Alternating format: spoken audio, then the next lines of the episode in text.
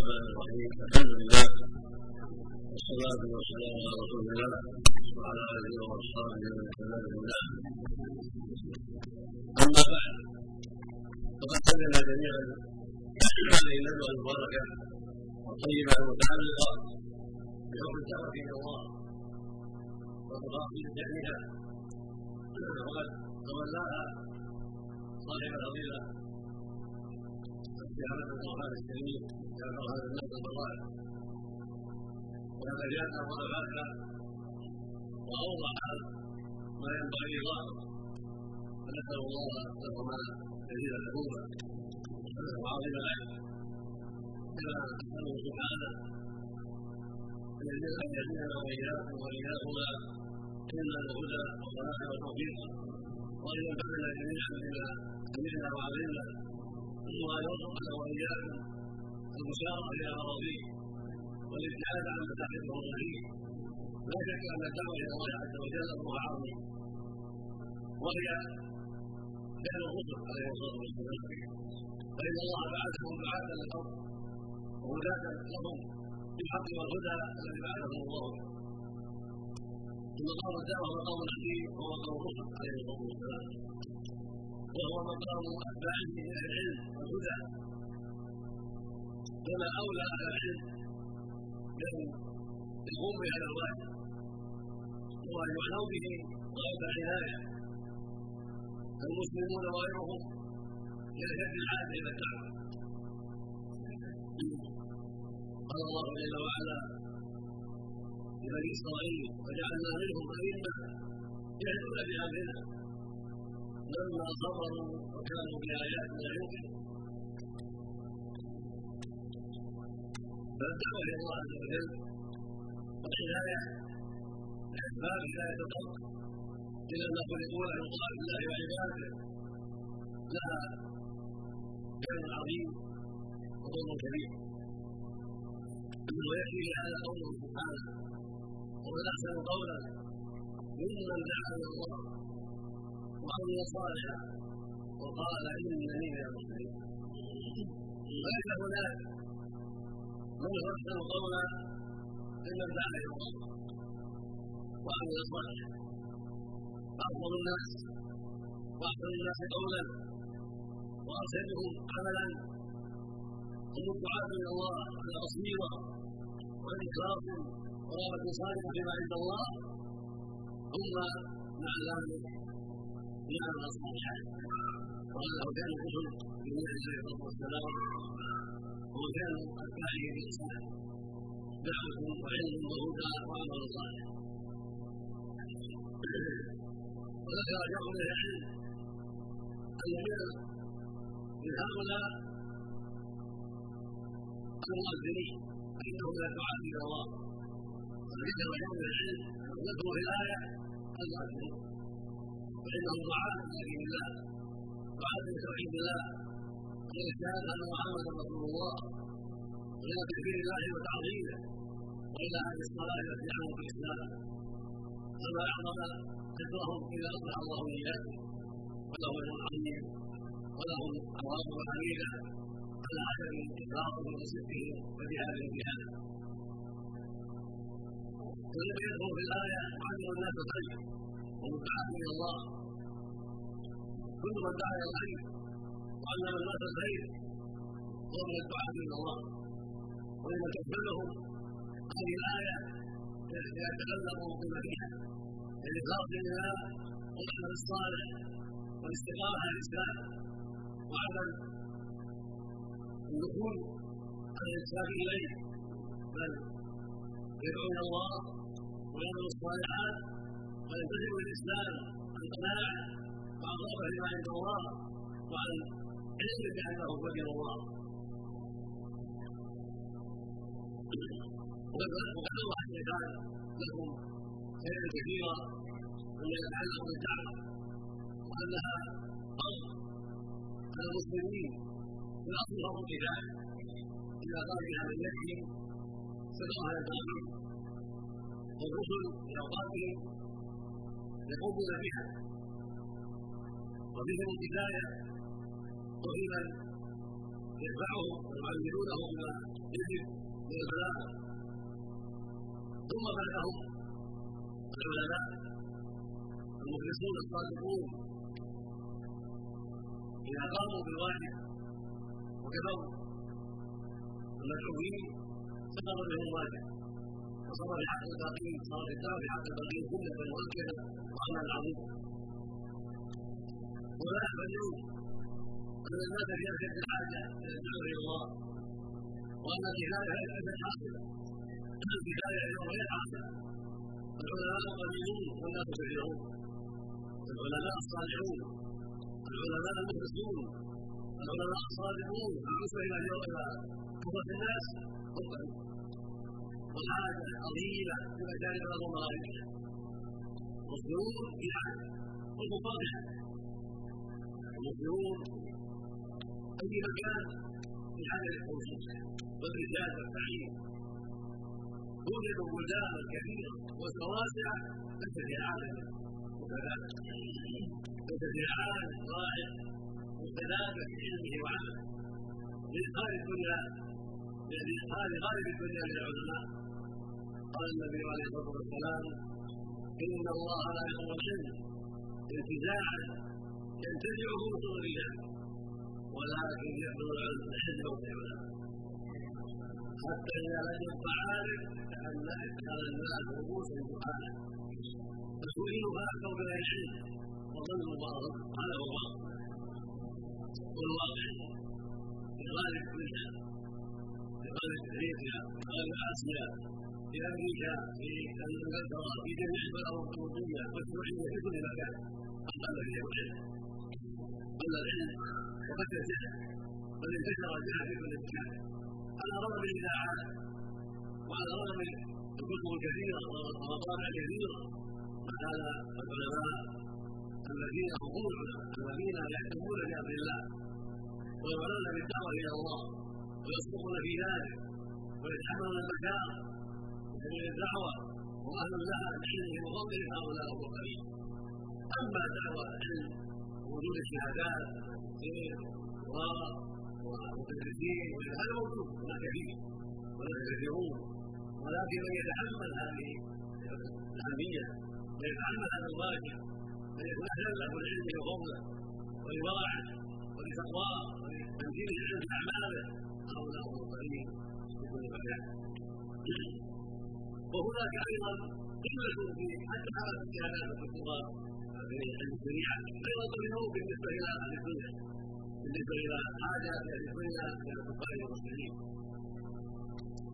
الحاصل أن الدعوه إلى الله من اهم المهمات وأن الواجب على العلماء أن لا يتقاعدوا يجب على كل عالم بالله وعلى كل من لديه علم أن ينصرف إلى الناس. وأن يتقي الله. وان لا يغفل وان لا يتساءل وان لا بقليل من العلم بل يجمل إلى الله ويجمل في المطالعه والمذاكره ومراجعه الكتب والمذاكرة مع اخوانه أهل العلم وطلاب العلم حتى يزداد كل علما حتى يزداد بصيرا لأن الله يقول تعالى في سبيل ادعو الله بصيرا ومنكم من حصل بعض العلم يسمع الله في الدنيا. هو بصيرا لو يكون على بصيره اذا حصل له بعض الشيء فليتكلم بالاخبار مع كلمه العلم ولا يتوسع فيه ما يعلم ان تكون الدعوه دعاء الدعوه على بصيره قل هذه سبيلي ادعو إلى الله على بصيره والله يقول ادعو بالحكمه والعلم بالعلم يصدق بالدين حتى يدفع بها الناس وحتى يبصرهم وحتى يرضعهم بالعلم عما لا ينبغي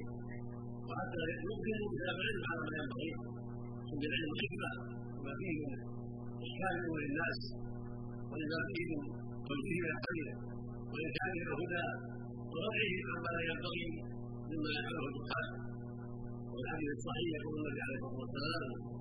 لا حدث إلا اذا اجتهد لا غفر لا غفر والسلام لا حدث الا بيديه ويغفر لا تحافظ إلى تناقص إلا بيديه رجل أتاه الله القران فهو يتلوه على عليه وعلى ورجل أتاه الله الحكمه يعني الفقه في الدين والبصيره فهو يقضي بين الناس. ويعلمها الناس. هذه نعمة عظمى ينبغي لإدارة فيها المتنافسون وأن يسارع إليها بالمال تلاوة القرآن تدبر والتعامل حتى يزداد علما والتفقه في الدين. حتى يقضي بهذا العلم بين الناس ويحكم بين الناس. لا حدث إلا بهذين رجل اتاه الله القرآن ويقول بان لا ادري وأنا النهار ولم يكون لا ادري وأنا النهار والقران اتاه الله يجدها في الدين ويقضي بها ويعلم بها بين الناس. حتى يعطى الحق حقه حتى يصل بين الناس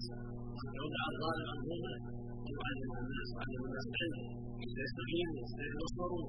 حتى يسلموا من الجهاله وفي الحديث الصحيح أيضا يقول النبي عليه الصلاة والسلام من يريد الله به خيرا يفقهه في الدين تحمل البخاري ومسلم الصحيحين وقال الله في الخير والهدى فقهه في الدين علمه ما ينفعه من الله فقهه في القران العظيم. السنة المطهرة بما يعين على ذلك والقصد بذلك وقال أيضا عليه الصلاة والسلام من سلك طريقا يلتمس به علما سهل الله له الخير طلب العلم في احد المهمات والتوقف فيه بعض الواجبات فلا يكون داعية ولا يكون له اجر عظيم والفائده الكبرى إلا يتعلم يتبصر على بينه في دينه يدعو الله علم. على بصيره يامر على علم ولا على علم لا عن دعوه وجهاد لا عن جرأة على الله على دينه بغير بصيره فلو ارسلت أجرأ الناس على الفتيا اجرأهم على الماء هكذا أجرأ الناس على العلم. والدعوة إلى الله على العلم على البصيره اجرأهم على العلم لابد تدعو إلى الله على علم. لابد أن تكون تلك بصيره اذا تدعو إليه كان الصلاة وانت العلم وانت الزكاة وانت العلم في المعاملات وانت العلم في الصيام فالعباده العلم الحج العلم الربا النكاح الطلاق في الخصومات الدماء العلم والعلم القلب الله ورسوله هو العلم سواء كبير عظيم العلم الله ورسوله والا من السنة هذا العلم وبعد ذلك كلام العلم كلام الصحابه عن النبي صلى الله عليه وسلم وكلام بعدهم الذين تلقوا بدين الله فان كلامهم مسلم ومعين ويدل ويوصف كلام العلماء يوصف العلماء فاذا كلم العالم المتبصر اشهد عليه ودل غيره على اصول هذا العلم كتاب الله وسنه رسول الله صلى الله عليه وسلم وقد يكون غافلا الحديث الايه عن معناها ويوجبه الحال القال ويقول هذه الايه تدل على كذا وكذا الحديث يدل على كذا وكان العالم الآخر قال على كذا وكان العالم الآخر قال وقال وقال وقال هذا يستفيد من الايه هذا الايه وقال يستفيد من وقال تفيد الايه أكثر من ذلك وقال الحديث ما يتجاوزون بعلمه وفهمه وما رضاه الله جل وعلا من الامر والمقصود من هذا أن الدعوه إلى الله أمر مهم في كل زمان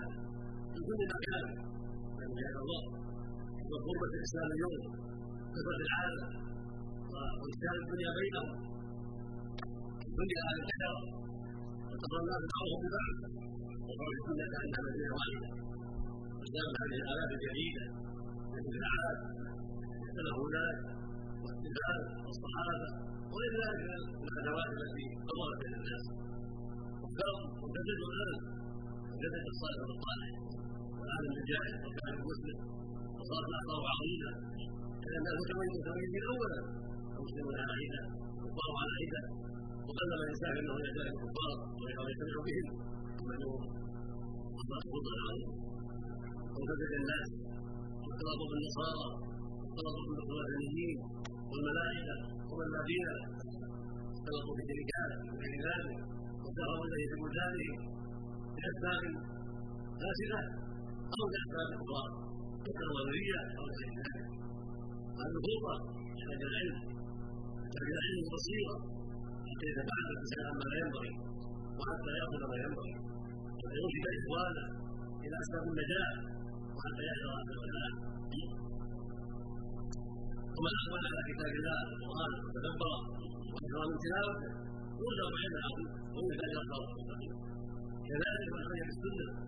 لهذا الرسول صلى الله عليه وسلم. المطالعه والمراجعه من الصالحين بلوغ المرام وعمدة الحديث ومنتقى الأخبار وغير ذلك من الحديث المعروف مفيدة عظيمة يستفيد علما كثيرا وكذا كتب العقيدة. التي بها عند أهل الدين. كان كثير كان محمد رحمه الله عليه من فتح المجيد حديثه على الحسن رحمه الله من بيت العزيز الحميد حديثه أيضا في من عبد الله مثل دروس الاسلام تيميه ابن القيم رحمه الله عليه كتب أخرى الله فيها التحقيق والعلم النافع والبصيره والتفسير الكريم في القول والجليل إلى غير ذلك كتب مفيده فمن راجع هذه الكتب المفيده وتنافع وقال العلم وذكر مع اكرامه العلم يستفيد خيرا كثيرا لكن يستغني عن ذلك المسائل الاخرى البيع والشراء التجاره الشواريخ والحاجات التي فيها ذلك يحدث العلم ولكن العامه اذا رزقوا البصيره اذا كان العالم في قلبه حياه ويريد الخير تدبر القران قرأ القران ثم نظرا فإن تسمع قال الله يتدبر القرآن يعيد الآية مرة بعد مرة يكررها سمعنا يكرر أما سمعنا وإذا كان يتأمل يظهر العظيم وهو واضح هو واضح بعض المواضع تحتاج إلى مزيد من العلماء يتكرر تأمل قلبه حاضر يستفيد خير العظيم يستفيد خيرا كثيرا يقول جل وعلا إن هذا القرآن يهدي الذي يأمر الآية وابتدأ عرف كتاب الله الهداية ويعرف الطريق القوم والصراط المستقيم كذلك إذا قرأ قوله تعالى المؤمنون والمؤمنات بعضهم يرفعه يقوم بالمعروف وينهون المنكر ويقيمون الصلاة ويؤتون الزكاة ويطيعون الله ورسوله أولئك يرحمهم الله إن الله عزيز حكيم كان واضح هذا في تفسير وإلى كلام عليه ثم قرأ عنده قلب الحي علم باللغة العربية يستفيد من الآية وما أشبهها وهذا القرآن هذا فبلغ القرآن وأحكمه واضح في النظر والعقل ثم في إمكان طالب العلم أيضا من يستفيد كلام العلم شرحهم وايضاحهم وكان يستفيد وقد يسمع الحلقات العلميه في اذاعه القران والعلم والفوائد فيما يريد ملاعب من الفوائد في موضع الدرس يفيد طالب العلم ويفيد العامه أيضا هذه الكلمات التي تلقى في موضع الدرس في الليالي السبع جميع جميع الليالي سنظهر هذه علم عظيم في فوائد عامه وطالب العلم إلى خير جميل اذا اصغى اليها طالب العلم اذا اصغى اصغى اليه مسلم يستفيد وهكذا اذا تدبر القران ويقرا في اذاعه القران وفي غيرها يتدبر ويتعقل استفاده كثيرا. واذا كان المصحف في المناسبه ليس فيها شغل لقلبه قلبه مستريح يتدبر ويتعقل على صلاه الفجر العشاء في المناسبه يتدبر ويتعقل أو غير القران مع عقيده يتدارسان.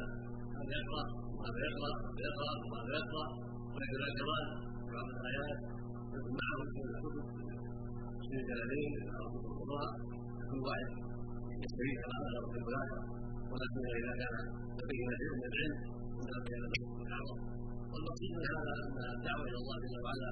واجبه مهمه واذا قام بها من يكفي صدق على الامين ومن اهم خصال الدعاء ان يكون خطبه عنده صبر هذا عنده احتساب وإكرام الله عز وجل وهو ان يكونوا عاملين بدعوته قضوا عليهم العمل بعلمه التقوى والغفلان كتاب حتى لا يلبسهم ويدعونهم إلى الله ويقول أنتم فعلتم وأنتم تفعلون وأنتم وأنتم فلا ينتفع بعلمه ومن امثله الكفايه مثل الانسان الذي قلد مثل الذي قلد من العلم قريه صغيره قد علمهم وارشدهم ويذكرون دروسا ويذكرون مواعظه كثيره فلا تحصل من الكفايه إذا كان هناك طلب القريه زيادة ينتقلون إلى مواطن يتعلمون لأن هذا قد كتب الحمد لله فينتقل هؤلاء عنده علم إلى قرى الأرض غير مريحه حتى يعلم. مثل ما علم هذا. كانت مدينه كبيرة ينبغي يكون في جوانبها من العلم والمرشد والمعلم هذا هذا الجنوب هذا الأرض هذا البر وفي وسطها هذا المعلم حتى تكون فائده عامة وكثيرة وميسورة. من خرجها من المسلمين في ذلك البلد وهكذا اذا كان البلاد التي حولنا فيها من يجني كسب وداخل إلى جهات أخرى ليس فيها يدعو إلى الله يعلم ويرشد وكذلك دار المسلمين من بلاد الخارجيه الذين هم غير الكفار الاغنياء من غير الكفار يسافر اليه ويحتسب واذا اراد أن يعلم على ذلك فهناك من يعين والحمد لله على الخير ولا يعلم على الدعوه فاولئك من يعين ويستشهدون وإعطاء الكتب مع تعين على ذلك ومن المال أيضا فيكون عنده نية صالحة الحساب ينتقل من بلاد إلى بلاد ومن اقليه إلى اقليه ينفعهم ويعلمهم ويوظفهم لأنه على خطر بين الكفار على خطر تجد بين الكفار الف رجلين في ملايين الكفار نسال الله السلامه والعافيه هذا خطر عظيم وهو له حين لا يستطيعون أن يهاجروا من بلادهم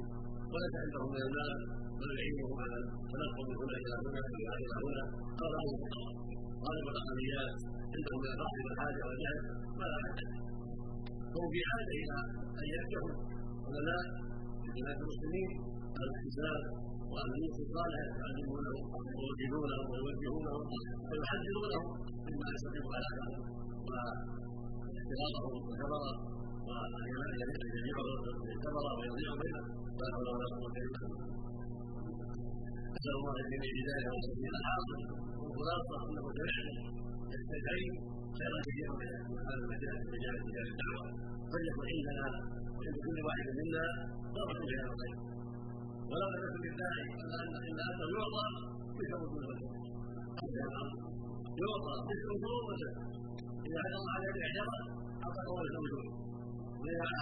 حد الله عليه بمئه اعطاك مثل وجود واذا حد الله عليه بالالف اعطاك الله مثل وجود مثل وجود مع الاجر مع ما اعطاك الله الاجر هذا غير معروف وبهذا تعرفون ان الرسل هم غير معروف الرسل عليه الصلاه والسلام لانهم يعطون مثل وجود من هداه الله له ونبينا محمد صلى الله عليه وسلم له له له مثل وجودنا له مثل وجود امته من اخر من اخر إلى يوم هذا ما بعد ذلك. إلى يوم القيامه يعطى امته عليه الصلاه والسلام لأن الله لأنه هو الداعي والذي أرسل يتعلم عليه الصلاة والسلام. ولا اصحاب معه العلم ثم تنقل من بعده الرسول يعطى مثل وجوده ولو نقل عن العلم ودعوا إلى الله يعطى مثل وجوده صلى الله عليه وسلم الله انت فقال الرابع عشر أو الخامس عشر إذا بلغت رسالة الله ودعوت إلى الله اعطاك الله مثل وجوده عليه سبحانه الله عليه وأعطى الله الذي مثل أعطاه. وأعطى الله الذي علمه مثل ما اعطاك يكسب الخير العظيم بفضل الله عز وجل. فانت لا تعلم نفسك الخير العظيم. تعلم وتبصر وادعو إلى الله. ولو مساله واحدة ولو مسافين ولو ثلاث مثلا أنت تعرف الفاتحه الحمد لله تعرف عليك علم على نفسه ما يعلم لكن الله وجوده علم الفاتحه ما يعلم تعرف قل اعوذ برب الناس قل هو الله أحد عليه علم على أهل بيتك وغيره ما يعلم علم الرجال واصبر على تعديلات قل الله يعطيك لكن إذا تعلم الصلاه تعرف التحيات التحيات بالله عليه بل عندك ياتي وناسا عندك اناس لا يعرفون قد يكون في بيتك ما يعرفون تعلم التحيات الانبياء عنده الدعاء الاكثر وغير الأمور حتى يستفيدون شيئا لم يعرفوا قل لهم عند على الأرض استمعوا هذه الحق استمعوا هذا المغرب عند المغرب استمعوا هذا هذه شروطا إذا كانت الموسيقى يعني الموسيقى تكون الرياح وغير هذا يسمعون الكلام التوجيه والارشاد والعلم يستفيدون من هذا الخير العظيم الذي ساقه الله اليهم من كنت عارف من كنت عارف لا يتلمون الركب ولا يتعبون لها منكر السيارات في بيوتهم منازلهم يفتح الرياح في منزله في محله ويسمع العلم وهو في محله لا يتكلم هنا ولا هنا ولا هنا هذه نعمه العمر ساق الله نعمه العمر ساقها الله على يد بعض العلم يحمد الله وصف عنكم الجن قال والسرائر كانت إلى غير سبيل كرم العلم وربما صرتم بصرا توحيد والنبي والله فتح الرجال والنساء والمجالس والاجتماعات على نوع على العلم. وعلى اي مقال علمي واجابه علميه يكتب عليها النجاح وتكون الحاجة منها ثم يغلق عن الغالي وعما يضر. فانت تاخذ العلم. بالعشره مثل انسان مر على الحمد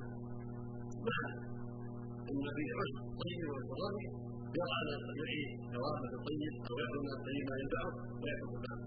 أو مر على بعض وعلى ذرة وعلى أشياء طيبة في الظهر والخلاف يفعل بعض. يعني الرجال ويجوز عند كثير الناس تكفر منه خيرا اله عظيمه ثم تغلق بعد الناس ولا تتبع عليها ولكن الكتب مفيده تاخذها وتعتنيها وتراجعها انت واولادك وبناتك الذين يستفيدون وغير ذلك وكذلك تنصح اخوانك في ضعيف الاسلام يحتاج الصلاه تنصحه وتفيده إلى الله وتدعوه أو يتساءل في كلام الرجل تنصحه بطريق الله. اتق الله تعالى أو بغير هذا فالدعوه إلى الله تكون خاصه بالعالم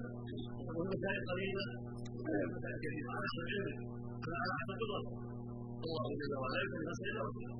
فاتقوا الله ما استطعتم المهم العنايه بهذا والحق عليه والاجتهاد في نحو الناس والجهد الخير والصبر على ذلك في الاوقات التي تستطيعها وفي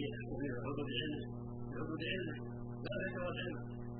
وصرت عرفت هذا الشيء فاتقوا الله في نفسك بالعرض